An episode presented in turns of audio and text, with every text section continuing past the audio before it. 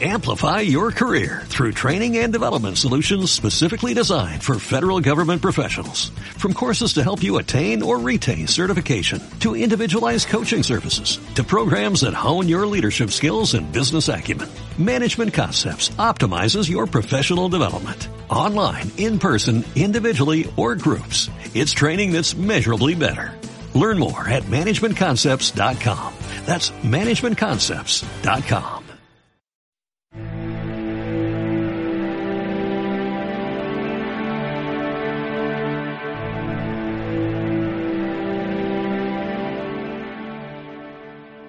Punt 12. Baluart de Sant Jordi.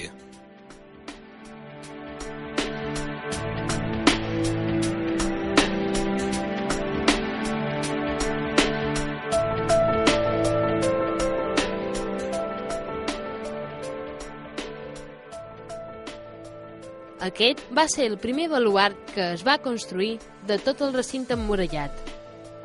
La utilitat dels baluarts era purament defensiva. Es tractava d'una nova construcció que s'adaptava als nous temps de l'artilleria.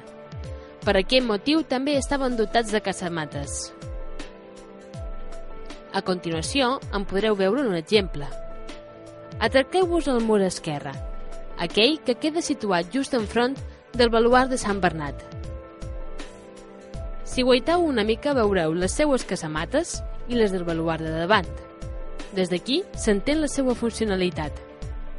Permetien als soldats resguardar-se dels atacs enemics alhora que obrien foc creuat en coordinació amb els que estaven ubicats a l'altre baluart. Ara atraca't al mirador. Si mirem la vista des d'aquí, veurem un puig amb tres molins, anomenat popularment els Puig dels Molins. Es tracta de la necròpolis fenicio-púnica més important del món. Ignorem les raons per les quals les famílies riques de púnics i romans es retiraven a Eivissa a passar els darrers dies de la seva vida. Una possibilitat podria ser la total absència d'animals verinosos. Van intentar reproduir serps i escorpins, però morien. Per això varen considerar que l'illa era màgica. Ja sabeu que els primers pobladors de la nostra illa van ser els fenicis i púnics. Varen fundar la ciutat com a enclavament comercial l'any 654 abans de Crist. En un principi s'organitzà al voltant d'un petit port on poder fer escala. Aviat, però, començà a tenir indústria pròpia i pròspera, fins a convertir a Ibosim en una de les ciutats més poblades de l'època comptant a començaments del segle IV abans de Crist amb una població de 4.000 a 5.000 habitants. Políticament, en aquella època Ibosim gaudia d'una gran autonomia envers la metròpoli, Cartago, arribant a encunyar moneda pròpia. En total, hi ha unes 3.000 tombes. Es calcula que la zona de la necròpoli era una mica més extensa, però la part més baixa del Puig dels Molins ha estat edificada i s'ha perdut una part important del jaciment arqueològic. Amb tot, la part conservada és major que la perduda.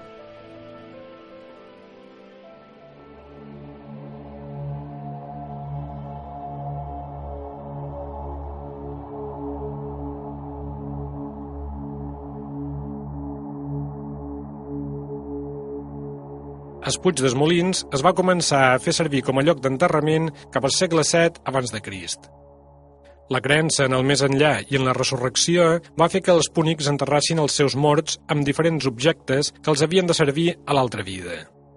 El costum generalitzat a partir d'un cert moment d'enterrar en hipogeus, que són cambres subterrànies excavades a la roca, ha permès que molts d'aquells objectes es conservessin i ens aportin dades sobre aquella cultura.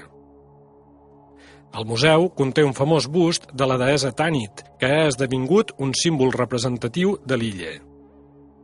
La destrucció de Cartago per part de l'exèrcit romà comportà grans canvis en la divisió de poders de la Mediterrània. La metròpoli arribà a ser ciutat federada de Roma, conservant la seva autonomia legislativa, econòmica i religiosa. Fora de la ciutat, la població continuà sent especialment la mateixa, per la qual cosa el procés de romanització fou lent.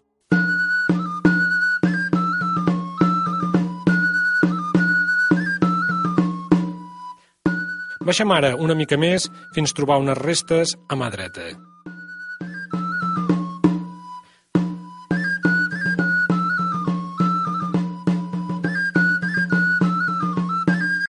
Amplify your career through training and development solutions specifically designed for federal government professionals. From courses to help you attain or retain certification, to individualized coaching services, to programs that hone your leadership skills and business acumen, Management Concepts optimizes your professional development. Online, in person, individually, or groups, it's training that's measurably better. Learn more at managementconcepts.com.